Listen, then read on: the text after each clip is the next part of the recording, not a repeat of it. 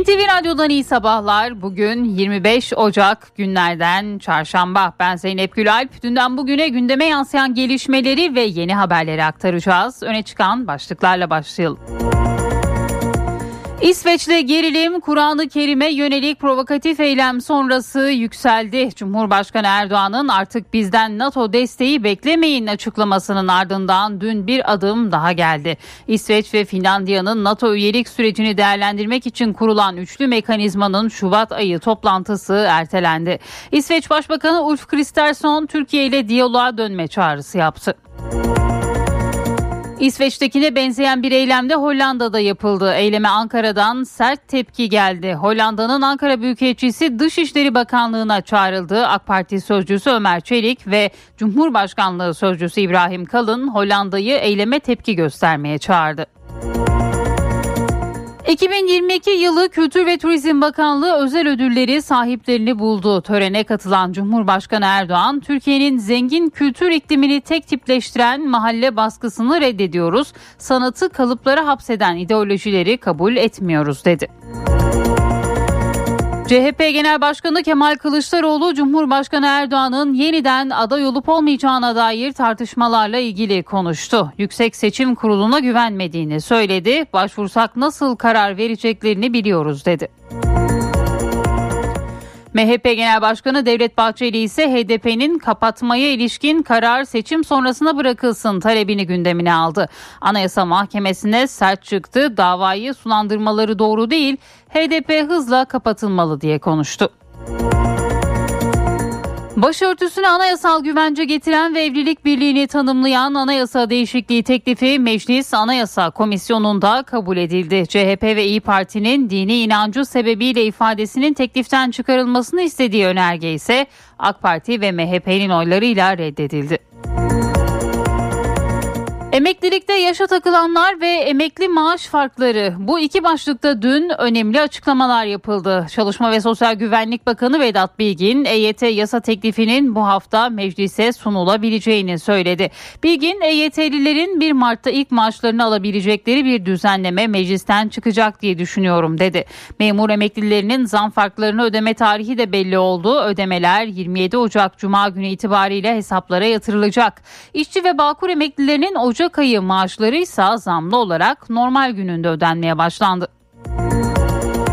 Araştırma görevlilerine kadro teklifi komisyondan geçti. 50 değerli araştırma görevlilerinin kadroya alınmasını da içeren kanun teklifi komisyonda kabul edildi. Eski Ülke Ocakları Başkanı Sinan Ateş'in öldürülmesiyle ilgili soruşturmada da gelişme var. Ankara Cumhuriyet Başsavcılığınca yürütülen soruşturma kapsamında dün iki kişi daha tutuklandı. Soruşturmada tutuklu sayısı 15'e yükseldi. Denizli'nin Merkez Efendi ilçesinde eşi Sinan U tarafından bıçaklanan 41 yaşındaki Umuhan Zehrin U hayatını kaybetti. Katil zanlısı Sinan U gözaltına alındı. Avrupa'da onlarca çocuğun hayatını kaybetmesine neden olan strep A bakterisi Türkiye'de de bir çocuğun ölümüne neden oldu. 3 yaşındaki Aras Sönmez bu bakteri yüzünden hayatını kaybetti. 8 haftada 170 bini aşkın kişi Covid-19 nedeniyle öldü. Dünya Sağlık Örgütü Genel Direktörü Gebreyesus e, koronavirüs kaynaklı ölümlerde son dönemde yaşanan artışa dikkat çekti. Gebreyesus bunlar sadece raporlanan ölümler, gerçek rakamlar bundan daha fazla dedi. Dünya Sağlık Örgütü Direktörü daha fazlasını yapmazsak virüs öldürmeye devam edecek diye konuştu. Ve Oscar adayları 23 kategoride Oscar adayları Riz Ahmet ve Alison Williams tarafından açıklandı. Altın Küre ödüllü Her Şey Her Yerde Aynı Anda filmi Oscar'da 11 adaylıkla öne çıktı. Gündemi özetledik devam ediyoruz.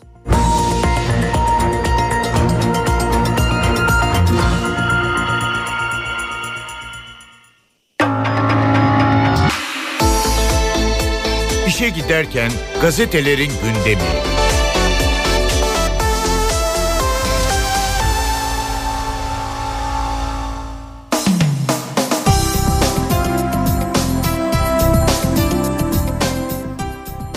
Sabah gazetesiyle başlıyoruz. Mali barışla 10 milyon kişi rahatlayacak manşetini atıyor sabah bugün. Sanayiciden kobiye, küçük esnaftan bakkala, ehliyetini kaptırandan öğrenciye, mirasçıdan kefile kadar vatandaşın devlete olan tüm borçları yapılandırılacak ve cezaları silinecek deniliyor Sabah gazetesinde. Mahalle baskısını reddediyoruz. Cumhurbaşkanı Erdoğan Kültür ve Turizm Bakanlığı özel ödülleri töreninde yaptığı konuşmada önemli mesajlar verdi. Özellikle uzun yıllar boyunca kültür sanat camiamızı esir alan Türkiye'nin zengin kültür iklimini tek tipleştiren mahalle baskısını reddediyoruz. Kültür sanat ve fikir dünyamızın ideolojik dayanışma üzerine kurulu mahalle baskısından kurtuldukça daha da çeşitlenip özgürleştiğini görüyoruz diyor. Cumhurbaşkanı Erdoğan.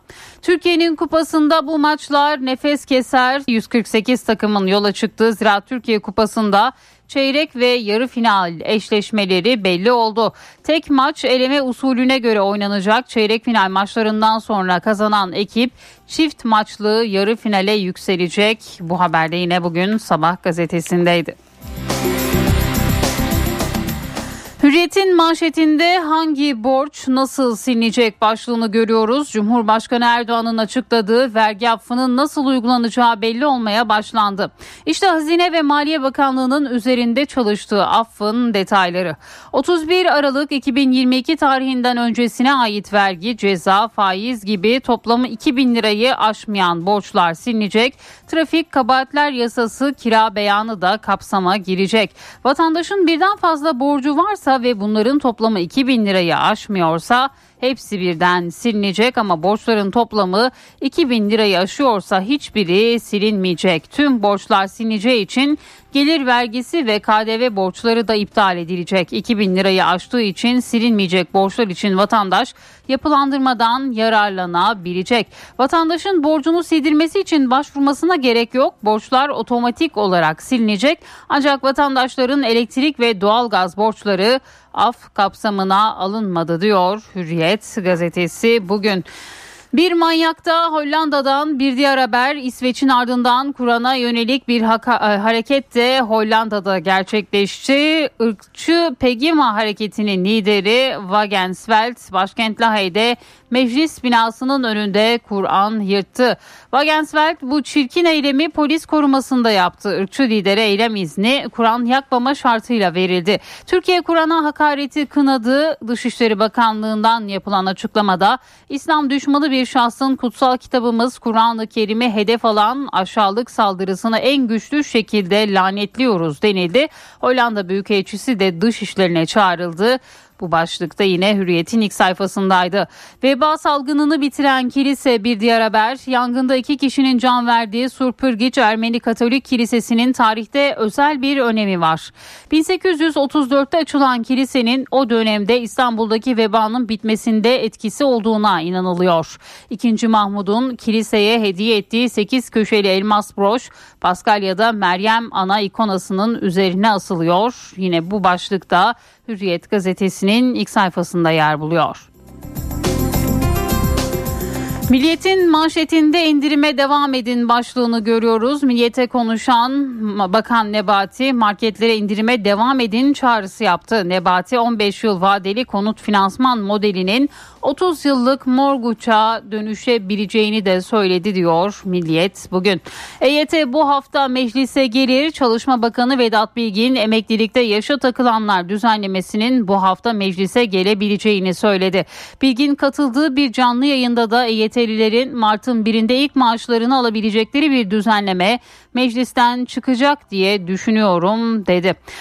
Bir diğer başlık NATO ile doğmadık NATO'suz ölmeyiz. MHP lideri Devlet Bahçeli dünkü grup toplantısında İsveç'te Kur'an yakılmasına sert çıktı. Bu saatten sonra İsveç'in NATO üyeliği suya yazılmış yazı kadar güncel bir konu olmaya mustahaktır. Türkiye'nin NATO üyeliği tartışmaya e, Türkiye'nin NATO üyeliğini tartışmaya açmak isteyenler varsa buyursun açsınlar. NATO ile doğmadık NATO'suz da ölmeyiz diyor Bahçeli. Yeni Şafak'ın manşeti yapılandırma paketiyle beyaz sayfa Cumhurbaşkanı Erdoğan'ın müjdesini verdiği yapılandırma paketinin detaylarını Hazine ve Maliye Bakanı Nureddin Nebati açıkladı. Vatandaşların yanı sıra şirketler de borçlarını 48 taksitle ödeyebilecek. İşte vergi ve prim borçlarıyla süresinde ödenememiş borçların cezalarını kaldırarak ödeme imkanı sunan paketin ayrıntıları diyor ve diğer gazetelerde yer alan başlıklarda bugün Yeni Şafak gazetesinin manşetinde yer buluyor. Zaferle çıkacağız bir diğer başlık. Cumhurbaşkanı Erdoğan Hizmet İş Sendikası'nın 45. kuruluş yıl dönümü programına mesaj gönderdi. Erdoğan mesajında 14 Mayıs 2023'te düzenlenecek genel seçimlerden zaferle çıkarak bir 5 yıl daha Türkiye'ye, aziz milletimize ve tüm insanlığa hizmet mücadelemizi kararlılıkla sürdüreceğiz dedi. Posta gazetesi Seçil'in elinde Yaren'in kanı var manşetiyle çıkıyor. Şarkıcı model Seçil Çiftçi'nin evine gelen eski sevgilisi Semih Sevim'i kırık sandalye ayağıyla öldürüp ormana atması dehşet yaratmıştı. 1 Kasım 2018'de Başakşehir'de sokakta yaralı bulunan hastanede yaşamını yitiren 19 yaşındaki Yaren Korucu'nun ölümünde de Seçil Çiftçi'nin parmağı olduğu iddia edildi deniliyor bugün Posta gazetesinde. Cumhuriyet Gazetesi ile devam edelim. Mumcu onurumuz diyor Cumhuriyet Gazetesi. Kalpaksız kuvvacı, layık ve modern Türk Cumhuriyeti'nin Yılmaz savunucusu vurulduk ey halkım unutma bizi diyen Uğur Mumcu özlem ve millet minnetle anıldı. Mumcu için binlerce yurttaş katledilişinin 30. yıl dönümünde devrim şehitleri ölümsüzdür Mumcu'ya selam olsun yarınlar bizim diye haykırdı. Bu başlıkta Cumhuriyet Gazetesi'nin ilk sayfasındaydı. Anayasayı savunun bir diğer haber Cumhurbaşkanı Erdoğan'ın anayasaya göre üçüncü kez Cumhurbaşkanı adayı olmasına ilişkin tartışmalar sürüyor. CHP lideri Kılıçdaroğlu yargıya YSK'ya güvenmiyoruz dedi. CHP'nin hukukçu kurmayları biz seçimde ekonominin konuşulmasını istiyoruz görüşünde. Siyasiler anayasaya sahip çıkılması gerektiğini belirtti.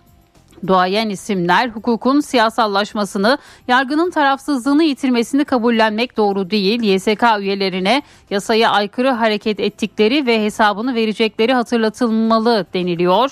Bugün bu haberde yine Cumhuriyet Gazetesi'nin ilk sayfasında yer buluyor. Şimdi bir ara vereceğiz. Birazdan haberlerin ayrıntılarını aktaracağız.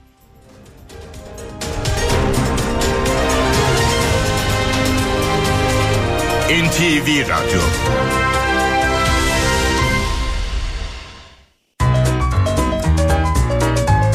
Köşedeki Kitapçı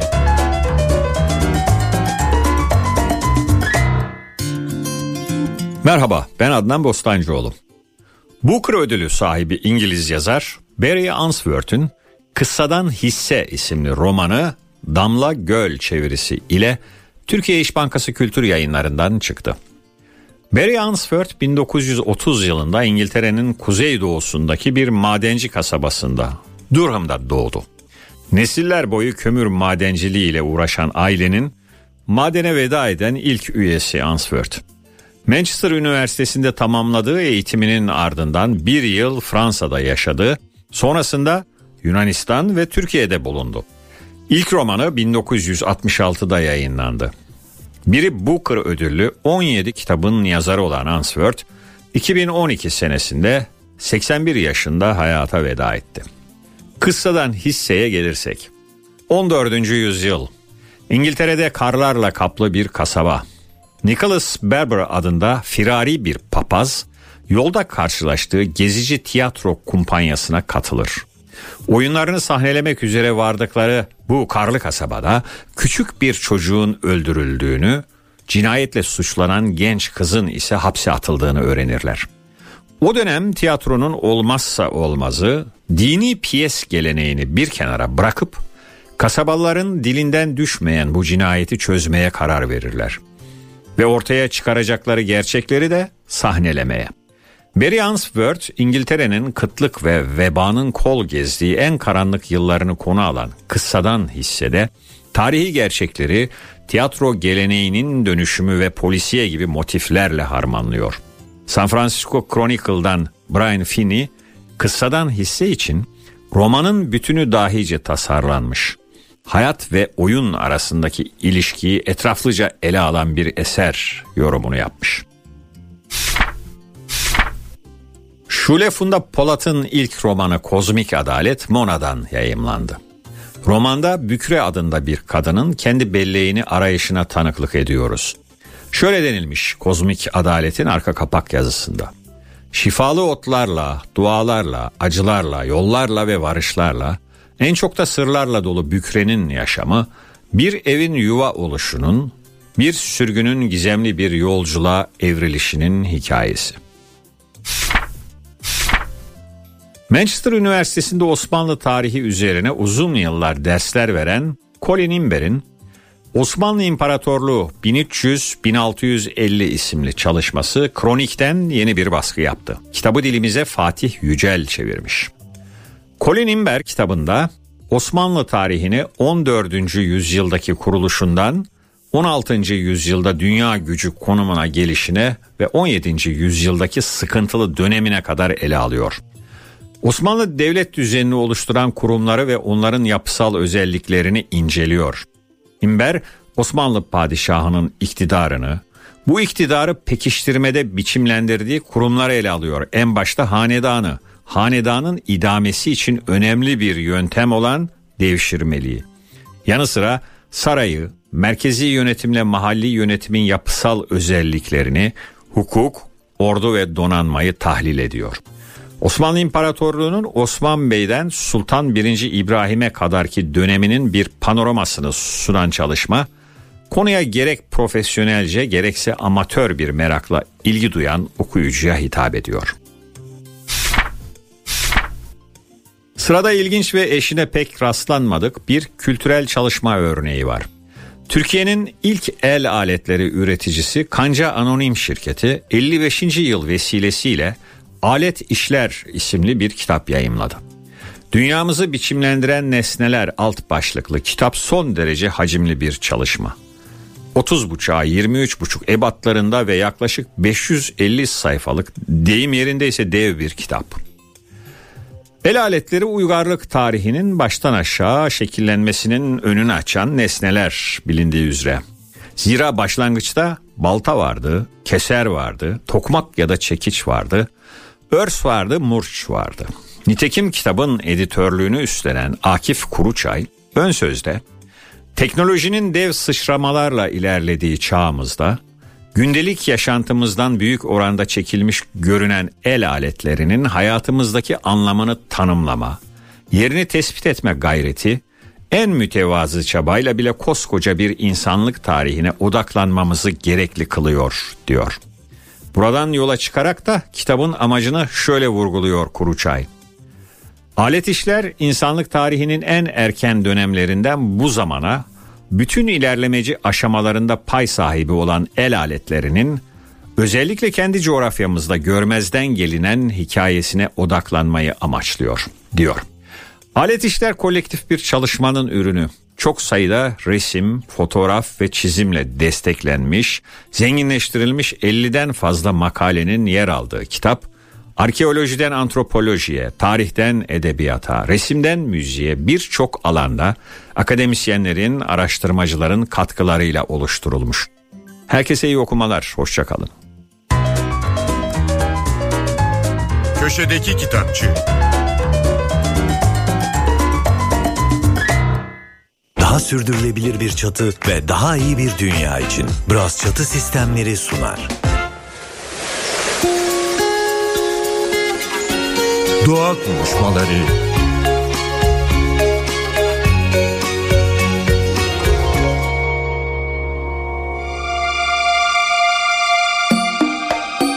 Şimdi kış tabii ki aslında sağlık gündemi ve sağlık ve bitkilerden gelen sağlık aslında çok konuştuğumuz başlıklardan biri doğayla ilintili olarak. O yüzden bugünkü konuğumuz doğal tıp uzmanı, fitoterapist ve homeopat aynı zamanda ve sağlıklı yaşam danışmanı Şaduman Karaca. Hoş geldiniz Şaduman Hocam. Hoş buldum, merhabalar. Bitkilere sadece manavdan aldığımız sebze meyve formunda değil de nefes alabilmemiz için atmosferdeki gaz dengesinin sağlanması, yeryüzündeki diğer tüm canlıların yaşayabilmesi için, suyun temizlenebilmesi için ve gıdamızın bize sunulması ve şifamızın sunulması için bitkiler olmazsa biz de olmayız ve yeryüzünde yaşamda olmaz. Daha sürdürülebilir bir çatı ve daha iyi bir dünya için Bras Çatı Sistemleri sundu. Tek reklam. Zingat bilgilendiriyor. Zingat'la okula yakın ev bulmak artık çok kolay. Zingat okullar hizmetiyle hem çocuğunuzun gideceği okula yakın olan kiralık ve satılık evlere hem de o okula dair bilgilere kolayca ulaşabilirsiniz. Tek yapmanız gereken Zingat okullar sayfasına gelip konum ve okul adını girmek. Zingat bilgilendirdi.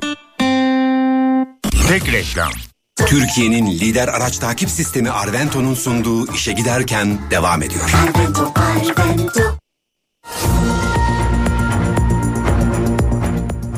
NTV Radyo'da haberlerle yayındayız. Hafta sonu İsveç'te Kur'an-ı Kerim'e yönelik yapılan provokatif saldırı gündemin ilk sırasında. Tepki üstüne tepki yağıyor. Tabii bu olay ikili ilişkilerde gerilime de neden oldu. Cumhurbaşkanı Erdoğan'ın artık bizden NATO desteği beklemeyin açıklamasının ardından dün bir adım daha geldi. İsveç ve Finlandiya'nın NATO üyelik sürecini değerlendirmek için kurulan üçlü mekanizmanın Şubat ayı toplantısı ertelendi terör örgütlerine caddelerinizde, sokaklarınızda her yerde cirit attıracaksınız. Ondan sonra da bizden NATO'ya girme konusunda destek bekleyeceksiniz. Yok böyle bir şey. İsveç'te provokatif eylem gerginliği toplantı iptali getirdi. Türkiye, İsveç ve Finlandiya arasındaki Şubat ayında yapılacak üçlü mekanizma toplantısı ileri bir tarihe ertelendi. Türkiye ile NATO'ya üye olmak isteyen İsveç ve Finlandiya arasında 28 Haziran'da Madrid'de bir muhtıra imzalanmıştı. O muhtıraya göre İsveç ve Finlandiya terörle mücadelede Türkiye'de işbirliği sergileyecekti. Atılacak adımların denetlenmesi için kurulan daimi ortak mekanizma ilk toplantısını 26 Ağustos'ta, ikinci toplantısını ise 26 Kasım'da gerçekleştirmişti. Bu süreçte terörle mücadele konusunda verilen sözlerin tamamen tutulmamasına Ankara tepki gösteriyordu. Üstüne bir de Cumhurbaşkanı Recep Tayyip Erdoğan'a yönelik eylem ve Kur'an-ı Kerim'e saldırı eklendi. Tüm bu gelişmelerin ardından gelecek ayki toplantı ertelendi. Peki İsveç ve Finlandiya'nın NATO üyeliği süreci nasıl devam edecek? İki ülkenin üyeliği için Ankara'nın onayı şart. Finlandiya Dışişleri Bakanı Pekka Haavisto, Cumhurbaşkanı Erdoğan'ın açıklamalarının ardından Türkiye, Finlandiya, İsveç üçlü görüşmelerine birkaç hafta ara verilmesi gerektiğini söylemişti. Görüşmelere ortalık yatıştıktan sonra devam edilmesi gerekiyor. Bu nedenle henüz bir sonuca varılmamalı demişti. Ancak İsveç'in üyelik süreci öngörüldüğünden daha uzun süre ertelenirse Finlandiya tek başına yola devam edebilir diyerek de gerekirse üyelik sürecini İsveç olmadan da sürdürebileceğinin sinyalini verdi. İsveç'tense NATO üyelik süreci konusunda yeni bir açıklama geldi. Başbakan Ulf Kristersson Türkiye ile diyaloğa dönme çağrısı yaptı. Kristersson Stockholm'de gazetecilere konuştu. İsveç ve Finlandiya'nın hızlıca NATO'ya katılımı için Türkiye ile diyaloğu onarmak istediklerini söyledi. İşlevsel bir diyalog olmadığı takdirde ülkesinin NATO ittifakına katılmasının daha zor olacağını belirtti. Bu durumun ülke güvenliği için de sonuçları olacağına dikkat çekti. Cumhurbaşkanının gündemiyle devam edelim. Cumhurbaşkanı Erdoğan 2022 yılı Kültür ve Turizm Bakanlığı özel ödülleri törenine katıldı. Kültür ve sanat dünyasında ideolojik dayatmalara karşıyız dedi. Türkiye'nin zengin kültür iklimini tek tipleştiren mahalle baskısını reddediyoruz diye de ekledi. Sanatı belli kalıplara, belli dayatmalara hapseden ideolojik yaklaşımları kabul etmiyoruz. Özellikle uzun yıllar boyunca kültür sanat camiamızı esir alan, Türkiye'nin zengin kültür iklimini tek tipleştiren mahalle baskısını reddediyoruz. Cumhurbaşkanı Recep Tayyip Erdoğan, Kültür ve Turizm Bakanlığı 2022 özel ödülleri töreninde konuştu. Sanatçıları belli ideolojik kalıplara hapseden mahalle baskısını reddettiklerini belirten Erdoğan, sanat ve kültür dünyasının mahalle baskısından kurtuldukça çeşitlendiğini ve özgürleştiğini söyledi. Sadece sinema dizi sektörümüzün yurt içinde ve yurt dışında son yıllarda sergilediği başarılara bakmak bile mahalle baskısının ülkemizi nasıl bir çoraklığa, nasıl bir geri kalmışlığa mahkum ettiğini açıkça ortaya koyuyor. Kültür ve sanat alanında vesayet zincirlerini parçaladıkça inşallah ülke ve millet olarak çok daha büyük başarılara imza atacağımıza inanıyoruz. Cumhurbaşkanı Erdoğan konuşmasının ardından gecede ödüle layık görülen isimlere ödüllerini verdi. Gecede ödül alan Bayburt Kenan Yavuz Etnografya Müzesi kurucusu Kenan Yavuz sahneye 88 yaşındaki annesi Alime Yavuz'la birlikte çıktı. Cumhurbaşkanı Erdoğan Alime Yavuz'la yakından ilgilendi. İkili arasındaki yaşanan sıcak sohbetse davetlilerin yüzünü gülümsetti. Tandır ekmeği yapacaktın ya ona hani gelsin diye de. Koymadılar ki kete getirem. Bak gördün mü? Getirem. Keteği niye getirmedin ya Kenan Bey? Dedim ki e, tandır, Ama, tandırı yakıp tandırda size Bayburt'ta da beklerim. O zaman Bayburt'a geldiğimizde seni keteği de yiyeceğiz. Tandır ekmeğini de yiyeceğiz. Ödül töreninde Cumhurbaşkanı Erdoğan eşi Emine Erdoğan'ın yanı sıra Cumhurbaşkanı Yardımcısı Fuat Oktay'la Kültür ve Turizm Bakanı Mehmet Nuri Ersoy da eşlik etti. Tabii Ankara'nın en sıcak gündem başlığı seçim. Bir taraftan tarih, bir taraftan muhalefetin adayı, bir taraftan da Cumhurbaşkanı Erdoğan'ın yeniden aday olup olamayacağı konuları tartışılıyor. CHP Genel Başkanı Kemal Kılıçdaroğlu da bu konuyla ilgili konuştu. Yüksek Seçim Kurulu'na güvenmediğini söyledi. Başvursak nasıl karar vereceklerini biliyoruz dedi. Yüksek Seçim Kurulu'na güvenmediğimi ya Mısır'daki Sağ Sultan duydu. Yüksek Seçim Kurulu'nun hangi olaylarda nasıl karar vereceğini hepimiz biliyoruz.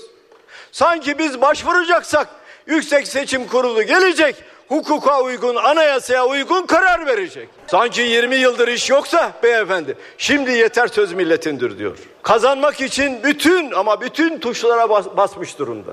Evet, yeter söz milletindir. Söz Millet İttifakı'ndır. Yeter be, yeter. Yeter artık. HDP'ye kapatma davası da MHP lideri Bahçeli'nin gündemindeydi. Partisinin grup toplantısında konuşan MHP lideri davayı sulandırmaları doğru değil, HDP hızla kapatılmalı dedi. Bahçeli İyi Parti Genel Başkanı Meral Akşener'in Diyarbakır'da kullandığı silahlara veda ifadesine de tepki gösterdi. HDP'nin isteğiyle Anayasa Mahkemesi'nin davayı sulandırması doğru değildir. Bu neyin görüşmesi, neyin arayışı, neyin hazırlığıdır? HDP kapatılmalıdır. Hukuken defteri dürülmeli, kapısına kilit asılmalıdır. Silahlara veda ne demektir? Vedayı edecek kimdir? PKK mı yoksa Türk askeri mi silahı bırakacaktır? Milliyetçiyim diyen hangi şahsiyet sahibi bu rezalete sessiz duracaktır? Sayın Recep Tayyip Erdoğan'ın tekrar aday olamayacağını iddia edenler hukuk cahili, dış tazyik ve destekli ayak takımıdır. Seçim kanunlarında geçen yıl yaptığımız değişiklikler 14 Mayıs 2023 tarihinde hukuken geçerlidir. Ve bir süredir Ankara'nın üzerinde konuştuğu ve çalıştığı bir diğer başlıkta başörtüsüne anayasal güvence getiren düzenleme. Cumhur İttifakı'nın teklifi Meclis Anayasa Komisyonu'nda kabul edildi. Ama görüşmelerde iktidarla muhalefet arasında uzlaşma sağlanamadı. Değişiklik önergeleri kabul edilmeyen CHP ve İyi Parti milletvekilleri tartışmaların eşliğinde komisyonu terk etti. üzerinde siyaset yapmaya talip. Yazıklar olsun. Bir el uzatıldı. Başörtüsüne anayasal güvence getiren ve ailenin korunmasına ilişkin anayasa teklifi Meclis Anayasa Komisyonu'nda kabul edildi. Teklifin görüşmelerinde ise iktidarla muhalefet arasında gerginlik yaşandı. Değişiklik önergeleri kabul edilmeyen CHP ve İyi Parti milletvekilleri komisyonu terk etti. Bir el uzatıldı. 500'ün üzerinde milletvekili onay. CHP ve İyi Parti anayasanın 24. maddesi üzerinde değişiklik öngören maddede değişiklik yapılmasını istedi. Muhalefet maddede yer alan hiçbir kadının başının açık veya kapalı olması nedeniyle ibaresinin laikliğe aykırı olduğunu ifade etti. Söz konusu ifadenin tüm kadınların başını örtme ya da örtmeme özgürlüğü şeklinde değiştirilmesi istendi. CHP ve İyi Parti'nin önergesi AK Parti ve MHP tarafından reddedilince Millet İttifakı ortakları komisyonu terk etme kararı aldı. İktidarla muhalefet arasında uzlaşma sağlanamamasına rağmen teklif AK Parti ve MHP'nin oylarıyla komisyonda kabul edildi.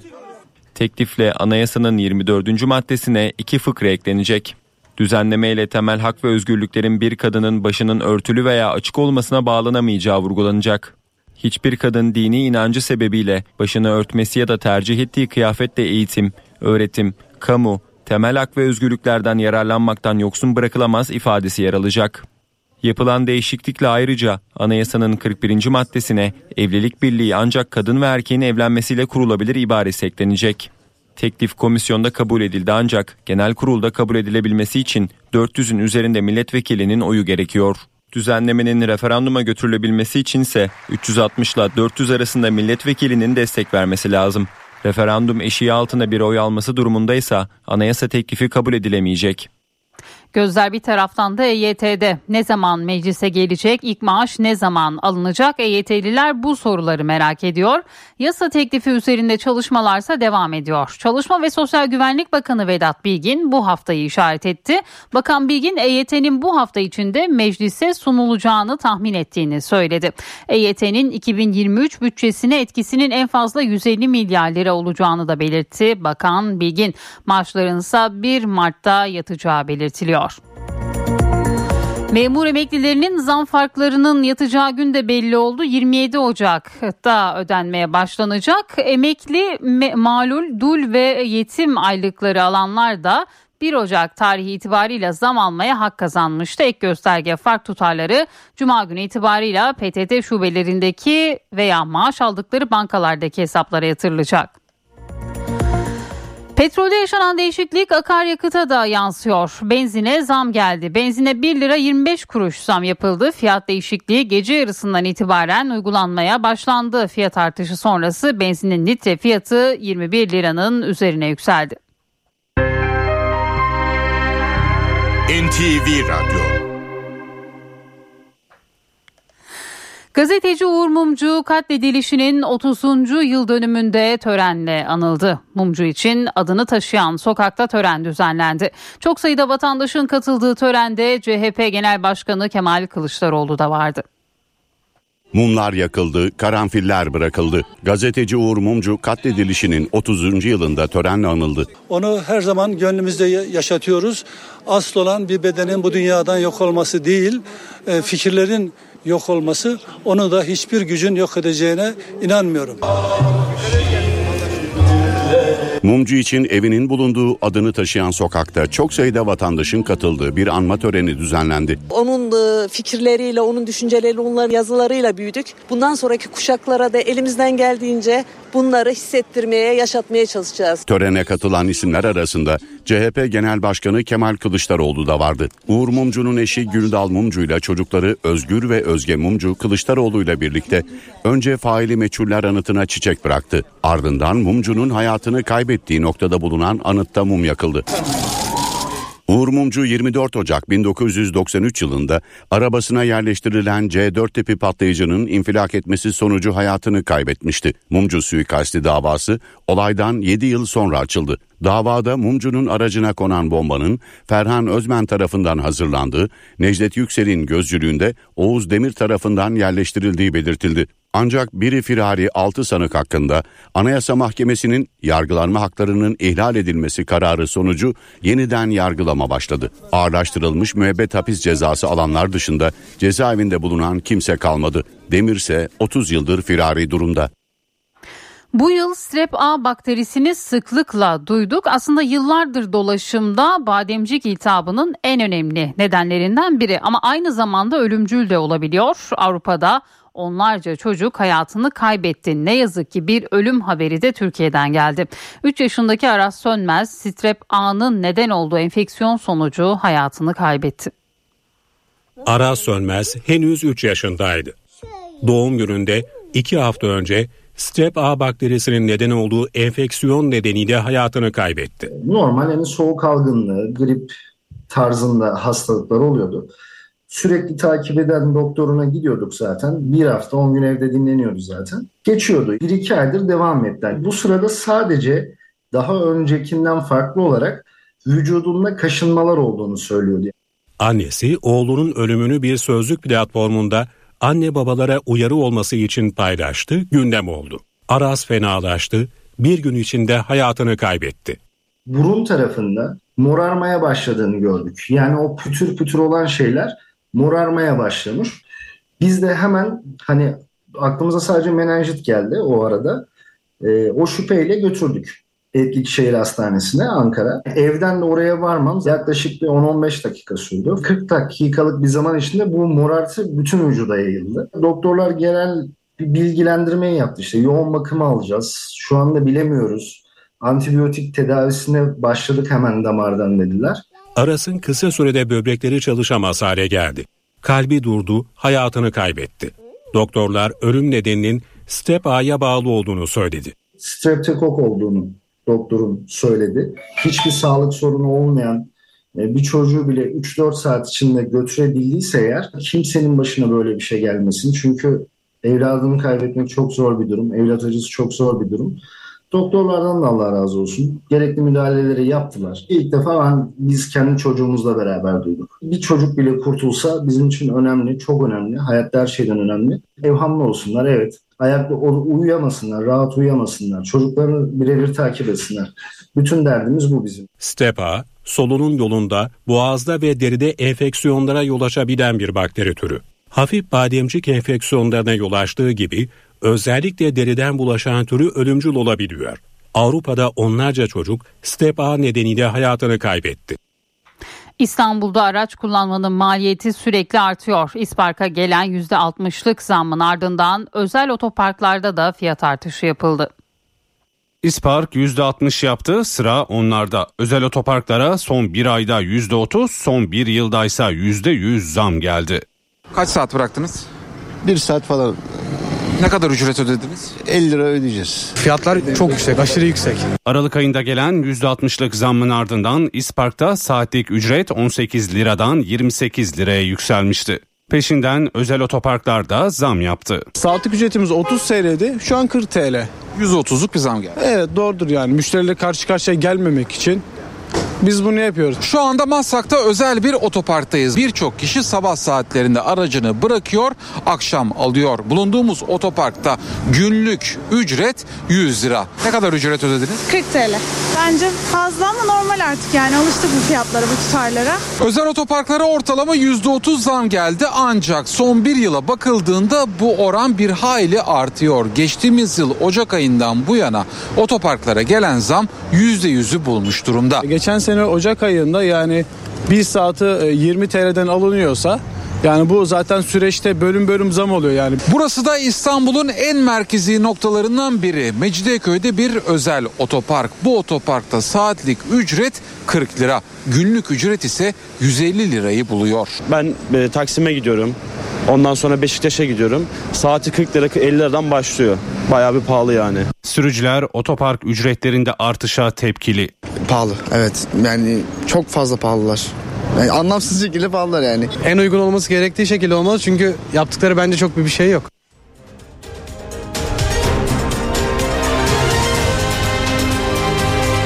NTV Radyo HDI Sigorta İstanbul'un yol durumunu sunar.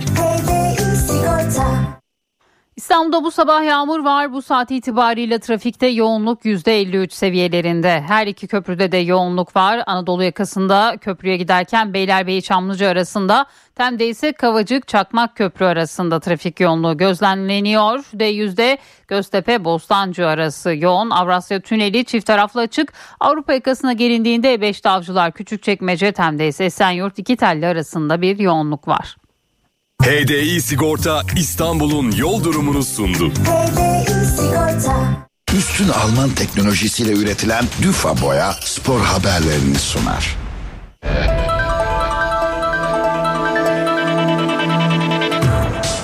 Süper Lig'de şampiyonluk yarışı veren Galatasaray ile Fenerbahçe arasında davet polemiği yaşanıyor. Sarı lacivertlilerin başkanı Ali Koç son dönemde yapılan açıklamaların ardından Dursun Özbey'e birlikte canlı yayına çıkmayı teklif ederken Sarı Kırmızılıların başkanı bu davet için futbolu sahanın dışına çıkarma çabası dedi.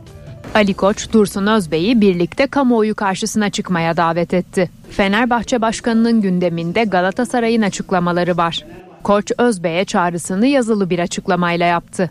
Tüm kamuoyu önünde kim haklı, kim haksız, kim doğruları söylüyor, kim söylemiyor kamuoyu tarafından bilinmesinin zamanı gelmiş ve geçmiştir. Bu doğrultuda sizi açıkça ve mertçe her şeyi milyonların önünde değerlendirmek, tartışmak, kamuoyunu aydınlatmak adına istediğiniz zamanda, istediğiniz kanalda, istediğiniz kişilerle birlikte davet ediyorum. Unutmayın ki bize göre mesnetsiz, size göre gerçek olduğunu savunduğunuz tüm bu ağır iddialarınızı ispatlamakla mükellefsiniz. Galatasaray Başkanı Dursun Özbek, Ali Koç'un daveti için futbolu sahanın dışına çıkarma çabası dedi. Tarafıma yaptığınız çağrı metnini üzülerek okudum. Bu metinle Türk futbolunda herkes için adalet arayışımıza katkı sağlamak yerine futbolu sahanın dışına çıkarma amacına yönelik bir çaba içerisinde olduğunuz net bir şekilde görünüyor.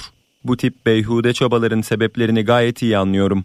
Sahada yaşanan başarısızlıkları saha dışında bir umutla telafi etmeye çalışan bu tip yaklaşımların Türk futboluna hiçbir faydası olmayacağını sizler de benim gibi biliyorsunuz. Rekabeti saha içinde sürdüreceklerini ifade eden Özbek, Fenerbahçe Başkanı Koç'un davetini geri çevirdi. Abu Bakar'ın Beşiktaş'taki 3. dönemi başladı. Basının karşısına geçen Kamerunlu golcü transfer sürecini anlattı. Transferde menajerin Fenerbahçe ile görüştü ama başka takıma gitmek hainlik olurdu diye konuşan Abu Bakar, Türkiye'de başka bir kulüpte oynamasının söz konusu olmayacağını ifade etti. Abu Bakar, Beşiktaş için cumartesi sabaha karşı İstanbul'a gelirken pazar günü Kayseri Spor maçında 21 dakika sahada kaldı. Ziraat Türkiye Kupası'nda çeyrek final eşleşmeleri belli oldu. Kur'an sonucu Demir Grup Sivasspor Gaziantep, Fenerbahçe Yukatel Kayserispor, Galatasaray Miripol Başakşehir ve Ankara Gücü Trabzonspor eşleşmeleri ortaya çıktı. Çeyrek final turu tek maç üzerinden 28 Şubat 1 ve 2 Mart'ta yapılacak. Geçtiğimiz haftalarda futbola veda eden Gareth Bale yeni kariyerine başlamaya hazırlanıyor.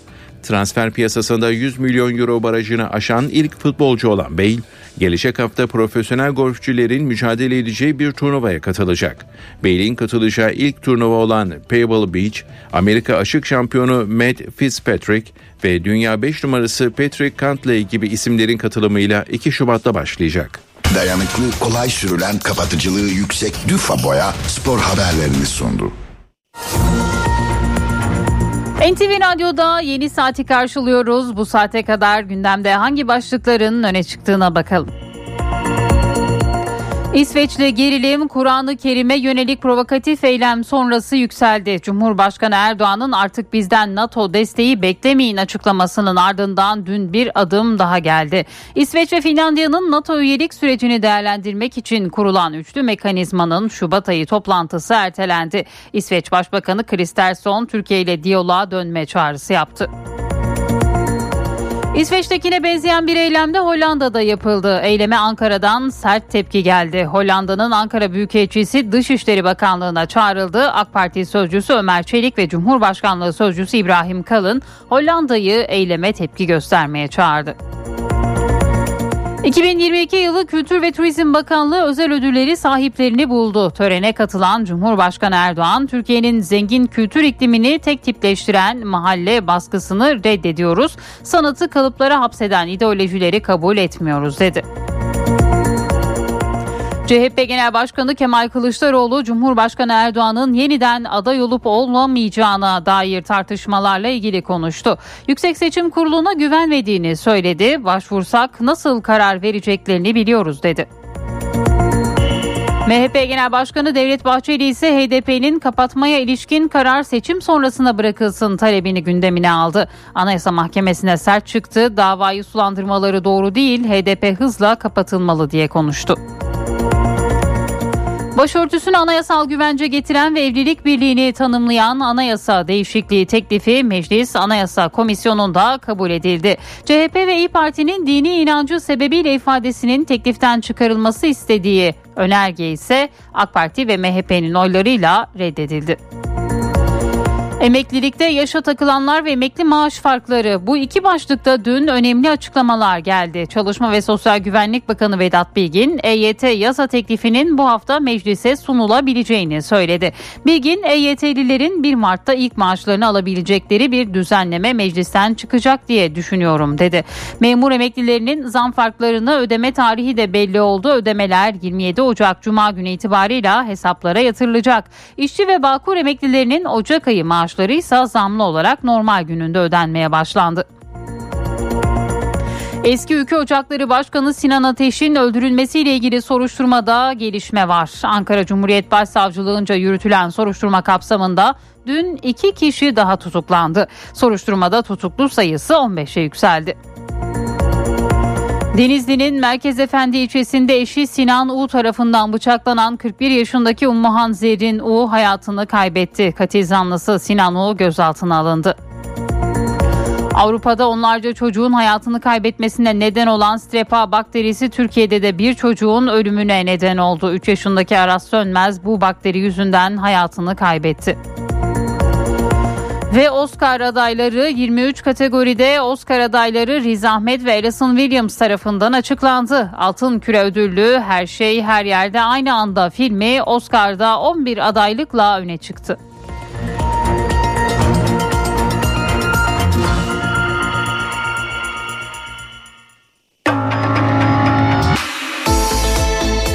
İşe giderken gazetelerin gündemi.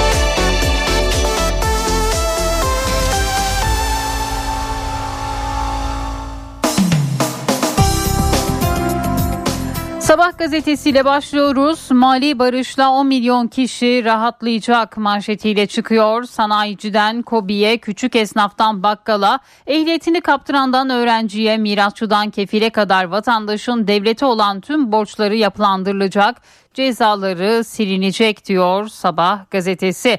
Mahalle baskısını reddediyoruz. Cumhurbaşkanı Erdoğan Kültür ve Turizm Bakanlığı özel ödülleri töreninde yaptığı konuşmada önemli mesajlar verdi. Özellikle uzun yıllar boyunca kültür sanat camiamızı esir alan, Türkiye'nin zengin kültür iklimini tek tipleştiren mahalle baskısını reddediyoruz. Kültür, sanat ve fikir dünyamızın ideolojik dayanışma üzerine kurulu mahalle baskısından kurtuldukça daha da çeşitlenip özgürleştiğini görüyoruz diyor Cumhurbaşkanı. Türkiye'nin kupasında bu maçlar nefes keser 148 takımın yola çıktığı Zira Türkiye Kupası'nda çeyrek ve yarı final eşleşmeleri belli oldu. Tek maç eleme usulüne göre oynanacak çeyrek final maçlarından sonra kazanan ekip çift maçlı yarı finale yükselecek diyor sabah bugün. Hürriyet'in manşetinde hangi borç nasıl silinecek başlığını görüyoruz. Cumhurbaşkanı Erdoğan'ın açıkladığı vergi affının nasıl uygulanacağı belli olmaya başlandı. İşte Hazine ve Maliye Bakanlığı'nın üzerinde çalıştığı affın detayları. 31 Aralık 2022 tarihinden öncesine ait vergi, ceza, faiz gibi toplamı 2000 lirayı aşmayan borçlar silinecek. Trafik, kabahatler yasası, kira beyanı da kapsama girecek. Vatandaşın 1 liradan fazla borcu varsa ve bunların toplamı 2000 lirayı aşmıyorsa hepsi birden silinecek. Ama borçların toplamı 2000 lirayı aşıyorsa hiçbiri silinmeyecek. Tüm borçlar silineceği için gelir vergisi de KDV borçları da iptal edilecek. 2000 lirayı aştığı için silinmeyecek borçlar için vatandaş yapılandırmadan yararlanabilecek. Vatandaşın borcunu sildirmesi için başvurmasına gerek yok. Borçlar otomatik olarak silinecek ancak vatandaşların elektrik ve doğalgaz borçları af kapsamına alınmadı deniliyor Hürriyet gazetesinde. Bir manyakta Hollanda'dan bir diğer başlık İsveç'in ardından Kur'an'a yönelik bir hareket de Hollanda'da gerçekleşti. Irkçı Pegida hareketinin lideri Edwin Wagensveld başkent Lahey'de meclis binasının önünde Kur'an yaktı. Bu başlıkta yine Hürriyet'in ilk sayfasındaydı. Veba salgınını bitiren kilise bir diğer haber Hürriyet'ten yangında iki kişinin can verdiği Surpırgiç Ermeni Katolik Kilisesi'nin tarihte özel bir önemi var. 1834'te açılan kilisenin o dönemde İstanbul'daki vebanın bitmesinde etkisi olduğuna inanılıyor. İkinci Mahmud'un kiliseye hediye ettiği 8 köşeli elmas broş Paskalya'da Meryem ana ikonasının üzerine asılıyor deniliyor. Yine Hürriyet gazetesinde 11 dalda Oscar adayı bir diğer haber. 95. Oscar ödülleri için yaşa, e, yarışacak filmler açıklandı. Bu yılın listesinde Amerikan yapımı bilim kurgu filmi Everything Everywhere All at Once her şey her yerde aynı anda tam 11 adaylıkla ön plana çıktı. Avatar Top Gun Maverick gibi iki ünlü devam yapımı da en iyi film ödülüne aday gösterildi deniliyor. Bugün yine bu başlıkta Hürriyet gazetesinin ilk sayfasında yer buluyor. Milliyetin manşetinde Bakan Nebati'den marketlere çağrı indirime devam edin başlığı yer buluyor. Milliyete konuşan Nebati marketlere indirime devam çağrısı yaptı. Nebati 15 yıl vadeli konut finansman modelinin de 30 yıllık morguça dönüşebileceğini söyledi diyor Milliyet gazetesi. EYT bu hafta meclise gelir bir diğer başlık. Çalışma Bakanı Vedat Bilgin emeklilikte yaşa takılanlar düzenlemesinin bu hafta meclise gelebileceğini söyledi. Bilgin katıldığı bir canlı yayında da EYT'lilerin Mart'ın birinde ilk maaşlarını alabilecekleri bir düzenleme meclisten çıkacak diye düşünüyorum diye konuştu diyor Milliyet gazetesi. NATO ile doğmadık, NATO'suz ölmeyiz. MHP lideri Bahçeli dünkü grup toplantısında İsveç'te Kur'an yakılmasına sert çıktı. Bu saatten sonra İsveç'in NATO üyeliği suya yazılmış yazı kadar güncel bir konu olmaya müstahaktır. Türkiye'nin NATO üyeliğini tartışmaya açmak isteyenler varsa buyursun açsınlar NATO ile doğmadık NATO'suz da ölmeyiz diyor devlet Bahçeli'nin bu açıklamaları da yine bugün Milliyet gazetesinin ilk sayfasında yer buluyor. Bakandan simit zammı tepkisi Tarım Bakanı Kirişçi Ankara'da simidin 7 lira olması ile ilgili biz unluk buğdaya hiçbir zaman e, hiçbir zam yapmadık. Bizimle ilgili bir durum yok. Ben anlamadım %40 oranında zam yapıldı dedi. Kirişçi kuraklık tehlikesine ilişkin de şu an için bir kriz söz konusu değil. Gerekirse depolarımızı kullanırız diye konuştu. Yine Milliyet gazetesinden bir diğer haberdi bu da. Yeni Şafak gazetesinin manşetinde yapılandırma paketiyle beyaz sayfa e, başlığını görüyoruz. Diğer gazetelerde olduğu gibi yapılandırmaya yönelik bir haber. Bir diğer başlıksa Amerika'da 2023'e cinnetle girildi. 32 yılda 1 milyondan fazla insanın silahlı şiddet sonucu öldüğü Amerika'da 2023 katliamlarla başladı. Kaliforniya'ya gerçekleştirilen e, Kaliforniya'da gerçekleştirilen çifte katliamla birlikte 3 haftada 38 katliam yaşandı. İnsanlar arasında korku ve tedirginlik had safhada deniliyor. Bugün yine Yeni Şafak gazetesinde yer alıyor bu haber. Seçil'in elinde Yaren'in kanı var. Şarkıcı model Seçil Çiftçi'nin evine gelen eski sevgilisi Semih Sevim'i kırık sandalye ayağıyla öldürüp ormana atması dehşet yaratmıştı. 1 Kasım 2018'de Başakşehir'de sokakta yaralı bulunan hastanede yaşamını yitiren 19 yaşındaki Yaren Korucu'nun ölümünde de Seçil Çiftçi'nin parmağının olduğu iddia edildi deniliyor. Posta gazetesinin manşetinde bugün Cumhuriyet gazetesi Uğur Mumcu anmasını ilk sayfasına taşıyor. Mumcu onurumuz başlığıyla ve anayasayı savunun bir diğer haber Cumhurbaşkanı Erdoğan'ın anayasaya göre üçüncü kez Cumhurbaşkanı adayı olmasına ilişkin tartışmalar sürüyor. CHP lideri Kılıçdaroğlu yargıya YSK'ya güvenmiyoruz dedi. CHP'nin hukukçu kurmayları biz seçimde ekonominin konuşulmasını istiyoruz görüşünde deniliyor bugün Cumhuriyet gazetesinde de. NTV Radyo Akustik taş yünü asma tavan sistemleri Tromer sunar. Profesör Murat Ferman'la evdeki hesap. Günaydın Sayın Ferman, mikrofon sizde. Zeynep Gül Hanım günaydın, iyi bir gün, iyi yayınlar diliyorum. Borç söz konusu olduğunda ekonomide sıklıkla kulağımıza çalınan bir deyim, bir terim var. Ve tabii bu deyim e, uygulamaya da dönüşüyor yeniden yapılandırma. Öyle ya dünyadaki borç yükü veya borç ödemede zorlanma durumu ortaya çıktığında da yeniden yapılandırma meselesinden bahsediliyor. Tabi vergi borçları, kamuna, kamuya olan borçlar da aslında bu cümleden sayılmak gerekir e, bilindiği üzere veya yakından takip edildiği üzere geçtiğimiz gün itibariyle e, hemen seçim öncesinde yeni bir yeniden yapılandırma ya da halk arasındaki genel geçer deyimiyle vergi affı gündeme geldi. Son 30 yılda 18 kez, son 6 yılda 5 5 kez yapılandırma ve af içeren kanunlara bir yenisinin ekleneceği anlaşılıyor. Tabii paketin içeriği açıklanmak ve paylaşılmakla beraber henüz yasalaşan bir durum yok. Ancak beklentiler ve bu konudaki tartışmalar e, yeni bir düzenlemenin olacağına dair kuvvetli işaret olarak kabul ediliyor.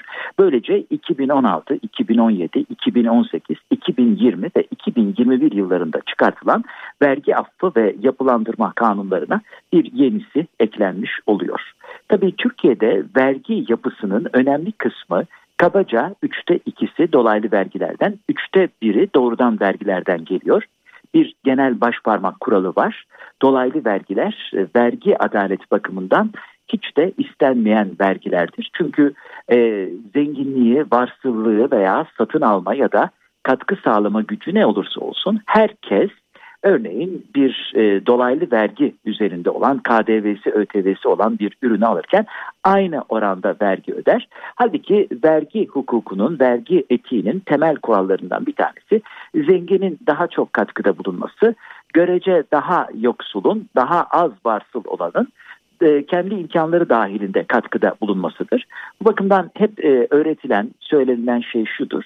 Genel vergi kompozisyonuna bakıldığında doğrudan vergilerle dolaylı vergiler arasında en azından e, bir eşitliğin ya da eğer bir e, farklılık varsa e, doğrudan vergilerin dolaylı vergileri geçmesi gerektiği söylenilir. Türkiye'de bu durumun tam tersine işlediği senelerce görülüyor ve vergi adaletsizliğinin bir başka karinesi olarak ortaya koyuluyor. Ayrıca bu denli sık e, vergi affı e, kapsamı altında düzenleme yapılması zamanında ve yerinde yükümlülüklerini yerine getirenler bakımından da hakikaten vergi etiği, vergi disiplini, vergi adaleti bakımından da tartışmaya açılıyor.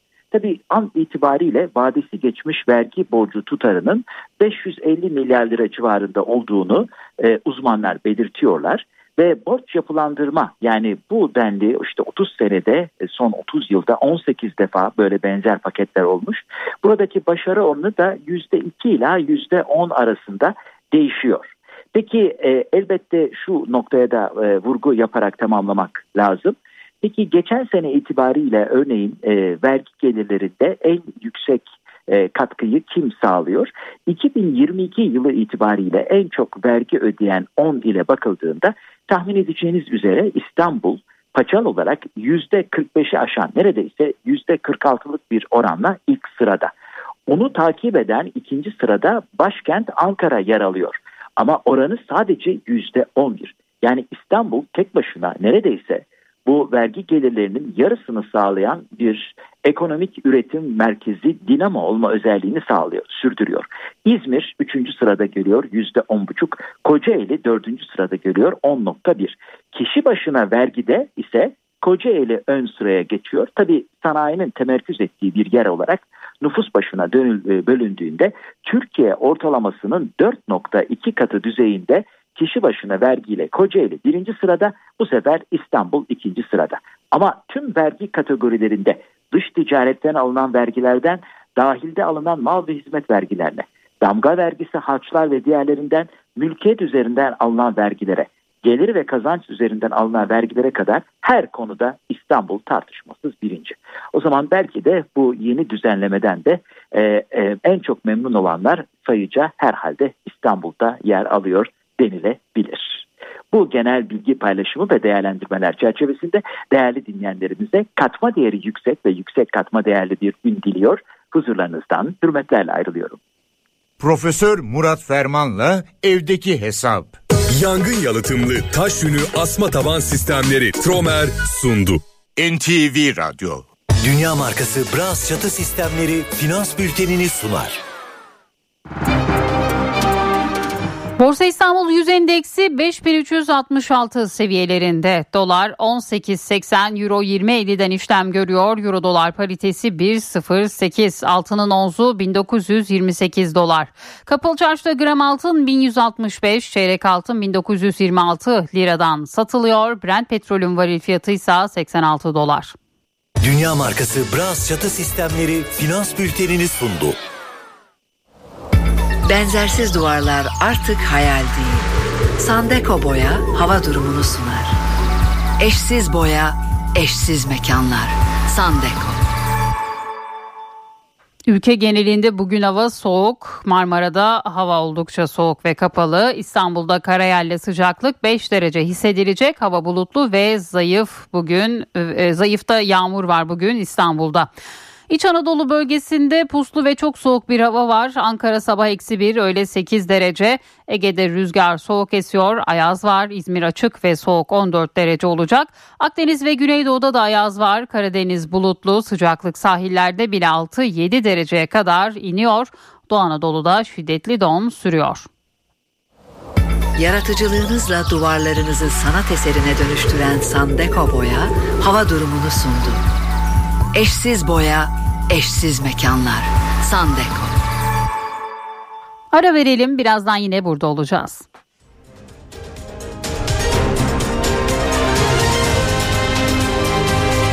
NTV Radyo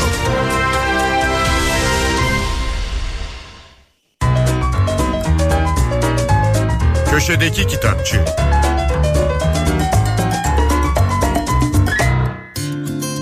Merhaba, ben Adnan Bostancıoğlu.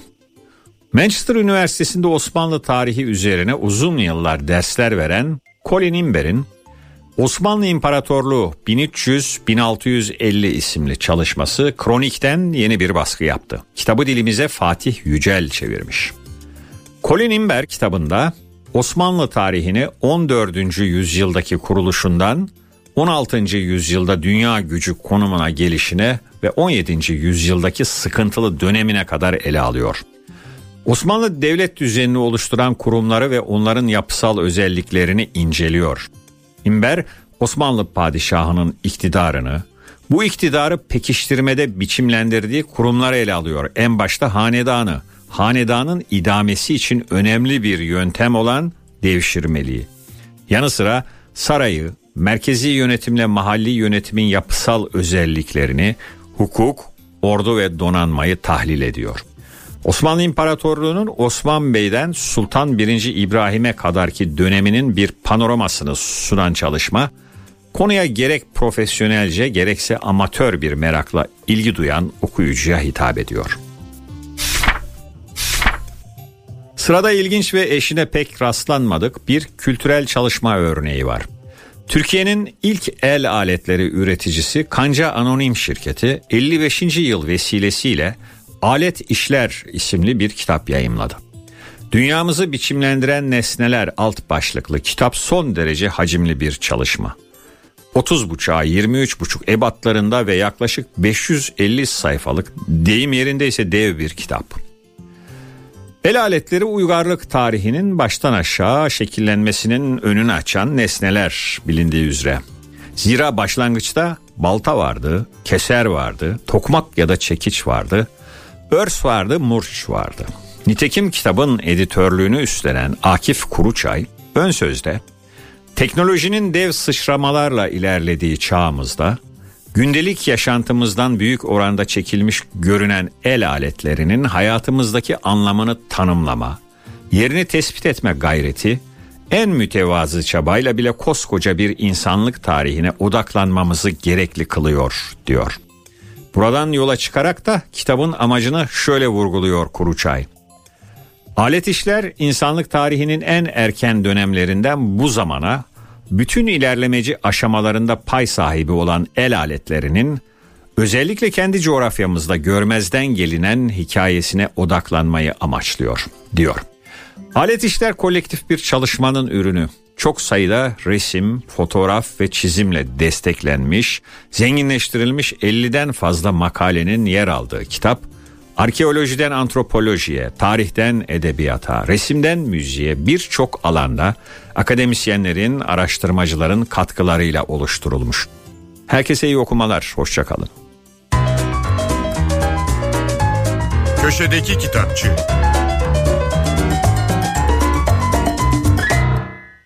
Acı, tatlı, mayhoş. Yemek kültürü yazarı Aydın Öneytan'la bir tutam tarif, biraz da tarih. Merhabalar. Evet dün verdiğimiz tarifte artık kırmızı baharatlı yağımızı da hazırladık. Yemeklere koymaya hazırız. Kırmızı yağ konusunda kitchen'de hongyu diyorlar. İçine katılacak yıldız anason veyahut da kurutulmuş mandalina kabuğu gerçekten çok ciddi bir fark yaratıyor. İsterseniz Çin mutfağında gene çok kullanılan sarımsak ve zencefil de katarak daha hızlı tüketmek üzere çünkü sarımsak zaman içinde kokusunu biraz bozabilir. Farklı yağlarda hazırlayabilirsiniz. Aslında bu yöntem bizim de çok kullandığımız bir yöntem kırmızı biberle olmasa bile naneyle de ya da Güneydoğu'da özellikle Gaziantep mutfağında aspirle de böyle aromatik güzel yağlar hazırlanabiliyor yemeklerin çorbaların üstüne dökmek için. Şimdi ben burada yıldız anasona özellikle dikkati çekmek istiyorum. Çünkü Çinlilerin kullandıkları bir baharat karışımı var. Bunu daha çok et yemekleri için kullanıyorlar. Özellikle de ördek tavuk gibi etler için. O da beş türlü baharat. Şimdi bu beş türlü baharatın illaki beş türlü olması gerekmiyor. Ama içine olmazsa olmaz giren bazı baharatlar var. Bunlardan biri yıldız anason. Sezuan biberini söylemiştik zaten o da giriyor ki o bizim mutfağımızda hiç yok bize gelmiyor. Onun dışında bizim topraklarımızda yetişen rezene tohumu kullanılıyor. Karanfil olabiliyor. Bir de Çin tarçını denilen aslında tarçına benzeyen ama gerçek tarçın olmayan kasya kabuğu kullanılıyor. Evet bu da aslında bizdeki e, tarçınların da çoğu gerçekte kasya kabuğudur. Dolayısıyla orada da bir sorun yok. Şimdi bu beş türlü baharatı herkes kendine göre hazırlıyor. İçine zencefil de katılabiliyor. Bizde de benzeri beş türlü baharat Güneydoğu Anadolu mutfağında oldukça sık rastlanır. Özellikle Mardin hatta Gaziantep buralarda birazcık da o baharat yollarının etkisiyle Orta Doğu'dan geçen böyle karışık baharat kullanımları çok vardır. Hatta bazen yedi türlü olur. Gene içeriği değişebilir. Bizde Szechuan biberi yerine ağırlıklı olarak kişniş kullanılıyor mesela. Bizde de bu baharat karışımları genellikle et yemeklerinde kullanılır. E, köftelerde kullanılır. Bulgurlu köftelerde de kullanılır. Dolayısıyla benzer bir kullanım var. Ben burada yıldız anasını özellikle dikkati çekmek istiyorum demiştim eskiden Osmanlı mutfağında da olan ve badiyane diye adlandırılan yıldız şeklinde bir baharat. Tadı anasona benziyor ama birazcık da meyan kökünü andırıyor. Son derece ilginç. Nedense kullanımı artık mutfağımızdan tamamen çıkmış ama hem tatlılara hem etlere son derece yakışan ilginç bir baharat. Onun da izini sürmeye devam edeceğiz. Takipte kalın, hoşça kalın. Bir tutam tarih, biraz da tarif. Aydın Öneytan'la Acı Tatlı Mayhoş Arşivi ntvradio.com.tr adresinde Spotify ve podcast platformlarında.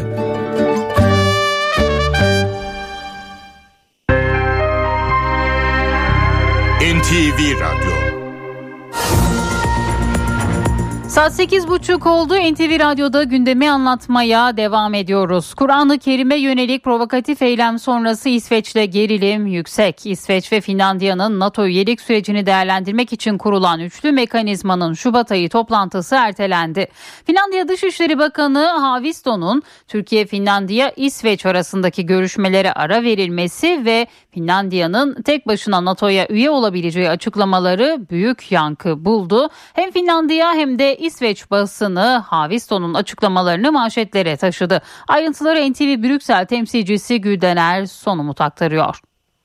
Stockholm'da yayınlanan Dagen Nyheter gazetesinin baş yazarı Isabel Hadley Kamps'ın kaleme aldığı baş yazıda aşırı sağın Fin, İsveç'in NATO üyeliğini engelleyebilir mi başlıklı haberinde aşırı sağ SD partisinin özellikle Kremlin'le yakınına işaret ediyor ve partinin ısrarı ile Türk Büyükelçiliğin önünde Kur'an'ın yakıldığını hatırlatıyor ve bu çerçevede baş yazar hükümet yetkilileri hem Başbakan hem Dışişleri Bakanı'nın SD partisinin Kremlin'e yakın olduğunu ve İsveç'in NATO üyeliğini engelleme çabası içerisinde girdiğini, hükümet yetkililerinde bunu izlemekle yetindiklerini dile getiriyor. Yeni İsveç'te Express'in gazetesinin manşetinde ise bir başka önemli haber var. Gazetenin manşetinde Finlandiya'dan özür dileriz başlıklı haberinde İsveç'in Finlandiya'nın NATO üyeliğini engelleyen bir ülke konumuna düştüğü hatırlatılıyor ve bu çerçevede Finlandiya'nın NATO'ya tek başına NATO yoluna devam edebileceği işaret ediliyor. Finlandiya'da ise Helsinki Sanomat gazetesinin manşetinde yine önemli bir haber var. Gazetenin başyazarı Anna-Liina Kahanen kaleme almış olduğu yazıda Havisto ihmalkar bir konuşma gerçekleştirdi. Ancak Finlandiya hizmet etti başlıklı yazısında Dışişleri Bakanı'nın NATO Genel Sekreteri Jens Stoltenberg'in kendisiyle yapmış olduğu konuşmanın ardından bu kalemleri ve bu sözleri geriye almaya çabaladığını bir şekilde yoluna İsveç'te devam etmek istediğini ancak İsveç'in engel teşkil etmesi halinde ya da üyeliğin uzaması halinde Finlandiya'nın yola tek başına devam edebileceğini dile getirdiğini ve aslında gazetenin başyazarı Finlandiya'nın NATO'ya üye olmakla birlikte büyük ülkelerden gelecek olan baskılara boyun eğmek mecburiyetinde kalabileceğini, öte yandan da e, İsveç'in Finlandiya'nın NATO üyeliğini kolaylaştıran bir tutum sergilemediğini dile getiriyor.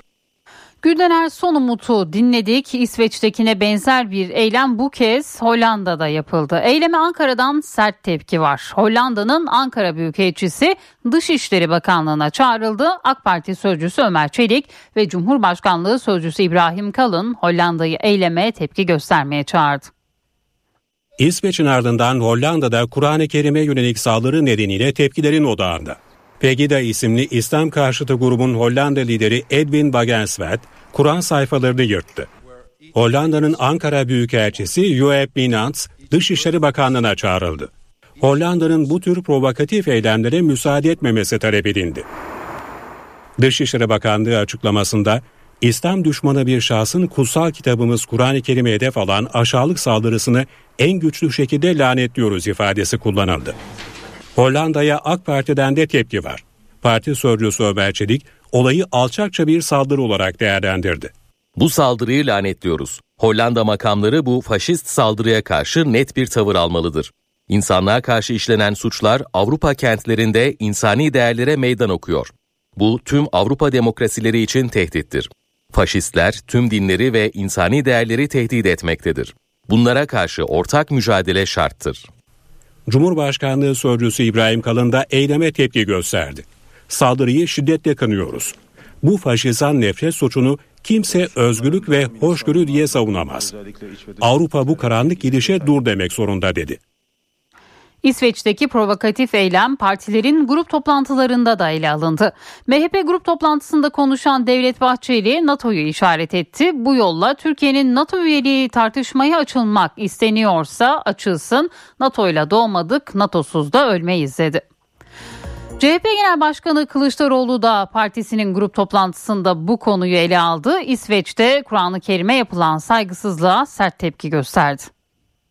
İsveç yönetimi devlet zekasından yoksun seyretti durdu bu provokasyonu. O pislik o kadar alçalmış bir adam ki iğrenme duygusundan başka bir şey hissetmiyor İslam. Emeklilikte yaşa takılanlar ve emekli maaş farkları bu iki başlıkta önemli açıklamalar geldi. Çalışma ve Sosyal Güvenlik Bakanı Vedat Bilgin EYT yasa teklifinin bu hafta meclise sunulabileceğini söyledi. Düzenlemenin bütçe etkisinin en fazla 150 milyar lira olacağını belirtti. Diğer haber memur emeklilerinin zam farklarını ödeme tarihleriyle ilgiliydi. Ödemeler 27 Ocak Cuma günü itibariyle hesaplara yatırılacak. İşçi ve Bağkur emeklilerinin Ocak ayı maaş maaşları ise zamlı olarak normal gününde ödenmeye başlandı. Ve bir süredir Ankara'nın üzerinde konuştuğu ve çalıştığı bir diğer başlık başörtüsüne anayasal güvence getiren düzenleme. Cumhur İttifakı'nın teklifi Meclis Anayasa Komisyonu'nda kabul edildi. Ama görüşmelerde iktidarla muhalefet arasında uzlaşma sağlanamadı. Değişiklik önergeleri kabul edilmeyen CHP ve İyi Partili milletvekilleri tartışmaların eşliğinde komisyonu terk etti. Eski Ülke Ocakları Başkanı Sinan Ateş'in öldürülmesiyle ilgili soruşturmada gelişme var. Dün iki kişi daha tutuklandı. Ankara Cumhuriyet Başsavcılığınca yürütülen soruşturma kapsamında şüpheliler AA ve ÇZ'nin emniyetteki ifade işlemleri tamamlandı. Nöbetçi suç ceza hakimliğine sevk edilen şüpheliler tutuklandı. Soruşturmada tutuklu sayısı 15'e yükseldi. Sinan Ateş 30 Aralık 2022'de Ankara'da motosikletli iki kişinin açtığı ateş sonucu çocuğu hayatını kaybetmişti. NTV Radyo Son dönemde en sık dile getirdiğimiz sorunlardan biri kira artışları. İstanbul kiraların en çok arttığı kentlerin başında geliyor. Kira artışları o hale geldi ki bazı emlakçılar artık daireleri açık artırmayla kiraya vermeye başladı. İstanbul'da uygun kiralık daire bulmak zor. Öyle ki iddiaya göre artık açık artırmayla ev kiralama dönemi başladı. Bu etik olmayan bir olay. Eğer bu işi ihale yönüne dökülüyor ise yani insanları çağırıp da sen ne veriyorsun, sen kaç para ödüyorsun gibi e, o tip bir şey yapılıyorsa tabii bu hem etik değil 2022 yılında sadece İstanbul'da kiralık konut fiyatları %140'tan fazla arttı. Emlak uzmanlarına göre merkez ilçelerde 10 bin liranın altında kiralık daire neredeyse bulunamıyor. İddiaya göre emlakçılar kiralık evi en yüksek bedeli vermeye hazır olan müşteriye gösteriyor bu işi yapan bir emlak ofisi ise işini bir defa kötü amaçla kullanıyor anlamına gelir. Bunu yapan bir ev sahibi ise e, burada bir manipül- manipülasyon yapıyor anlamına gelir. Emlak sektöründeki fiyat artışları satılık konutlara da yansıdı. Uzmanlar yeni kredi paketi sonrası İstanbul'da daire fiyatlarının arttığı iddiasında. Kampanya döneminde tabii bir hareket başladı. Ee, ama maalesef yine %10-15 gibi bir fiyat yükseltmesi, yükselmesi yaşadık son 30 e, gün, 35 gün gibi bir dönem içinde. Yani daha önce fiyatını açıklayan bazı inşaat firmaları e, bir gecede %10-15 yükselttiği duyumları aldık. Kredi kullanmak isteyenlerin önünde başka zorluklar da var. Bazı müteahhitlerin de e, düşük beyan teklif ettiğini, yani kredi miktarından değil de daha düşük bir kredi kullanması ve satış bedelini daha düşük göstermesi yönünde e, bazı talepleri var. Daha düşük vergi ödemek için veya daha düşük tapu harcı ödemek için ben diyorum bu, bu şekilde size fatura kesemem. Tüketici kredi kullanımında düşük satış bedeli gösteren firmaları ticaret il müdürlüklerine şikayet edebilir. 8 haftada 170 bini aşkın kişi Covid-19 nedeniyle öldü. Dünya Sağlık Örgütü Genel Direktörü Gebreyesus, koronavirüs kaynaklı ölümlerde son dönemde yaşanan artışa dikkat çekti. Gebreyesus bunlar sadece raporlanan ölümler, gerçek rakamlar bundan daha fazla dedi. Dünya Sağlık Örgütü Cuma günü toplanıp pandeminin seyriyle ilgili bir karar alacak. Peki bu toplantıdan ne çıkar? Profesör İftihar Köksal, NTV Radyo'da yayınlanan 5'te 5 programında Deniz Deniz Kilislioğlu'na anlattı. Dünya Sağlık Örgütü eldeki verilere bakarak pandemi der mi? Gerçekten cevabı zor bir soru. Tam bir geçiş dönemindeyiz. Belki pandemi bitti demek için erken ama pandeminin seviyesini biraz düşürebilir. Çünkü baktığımız zaman son haftalarda özellikle uzak doğuda vaka sayılarında bir artış olduğunu görüyoruz. Hem Japonya'da hem Çin'de hem de bölgedeki diğer ülkelerde vaka sayılarında milyonlarla ifade ettiğimiz sayılar görülüyor. Amerika'ya ve Avrupa'ya baktığımızda ise bu sayıların binli rakamlara düştüğünü görüyoruz. Hı hı. Şimdi böyle olunca global olarak baktığınızda pandemi bitmedi. Hı hı. Çünkü özellikle seyahatlerle, uçuşlarla dünyanın her yerine virüsün gitmesi son derece kolay. Hı hı. Pandeminin bittiğini söyleyebilmek için dünyanın her köşesinde vaka sayısının azalması lazım. Oysa uzak doğu için bunu söyleyemiyoruz. Hı hı. Ee, Batı Pasifik tarafında oldukça fazla sayıda vaka var. Şimdi ülkeler bazına baktığımızda Avrupa'da özellikle vaka sayılarında belirgin azalma var. Hı hı. İkinci sırayı Amerika almakta. Dolayısıyla bu cepheye baktığınız zaman evet pandeminin bitmiş olabileceğini söyleyebilirsiniz. Ama hı hı. dünyanın öbür köşelerinde bitmediği için benim şahsi kanaatimde bir bilim insanı olarak henüz pandeminin bittiğini ifade etmek için biraz erken olacağını düşünüyorum. Aslında hı hı. baktığımızda dünyada hiçbir pandemi iki yıldan daha uzun sürmemiş. Hı hı. Tarihsel olarak enfeksiyon hastalıklarının geçmişine baktığımızda iki seneden sonra hızı azalmış. Covid-19 biraz bu bilgileri eskimesine yol açtı. Çünkü hakikaten sizin de başta belirttiğiniz gibi üçüncü seneye girmiş olmamıza rağmen hı hı. hala pandemiyle birlikte yaşıyoruz. Bunun hı hı. tabii ki insanların psikolojisi üzerine, ekonomi üzerine, her şey üzerine olumsuz bir takım etkileri var. Ama pandeminin henüz bittiğini söylemek için erken seviye düşürülebilir ama pandemi henüz bitmedi. Dünya Sağlık Örgütü bölgesel bir ayrıma gidebilir mi yoksa bu topyekün yani pandemidir ya da değildir şeklinde verilecek bir karar mıdır? Bölgesel ayrıma gidebilir. Hı hı. Ee, hani en başta hatırlarsanız yine bölgeler arasında ya da ülkeler arasında korunma önlemleri bakımından bir risk listesi yapılmıştı. Hı hı. İşte şu ülkelere giderseniz daha dikkatli olun, şuralara giderseniz işte şu önlemleri alın gibisinden yani kesin önlemler ve gevşek önlemler vardı.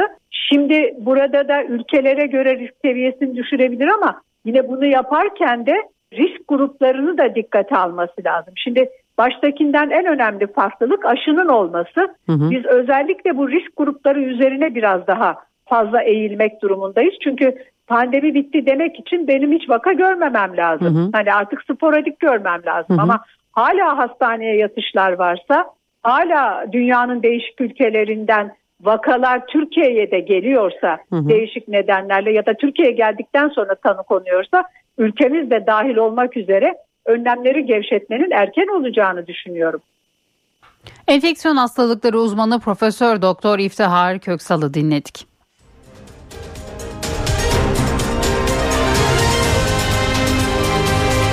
NTV Radyo HDI Sigorta İstanbul'un yol durumunu sunar. HDI Sigorta İstanbul'da bu sabah yağmur var. Bu saat itibariyle trafikte yoğunluk %60 seviyelerinde. Her iki köprüde de yoğunluk var. Anadolu yakasında köprüye giderken Beylerbeyi Libadiye bağlantı yolu arasında Tem'de ise Kavacık Çakmak Köprü arasında o yoğunluğun etkilerini gözlemliyoruz. D100'de Göztepe Bostancı arası yoğun. Avrasya Tüneli çift taraflı açık. Avrupa yakasına gelindiğinde E5'te Avcılar Şirin Evler. Tem'de ise Bahçeşehir iki telli arasında bir yoğunluk var. HDI Sigorta İstanbul'un yol durumunu sundu. HDI Sigorta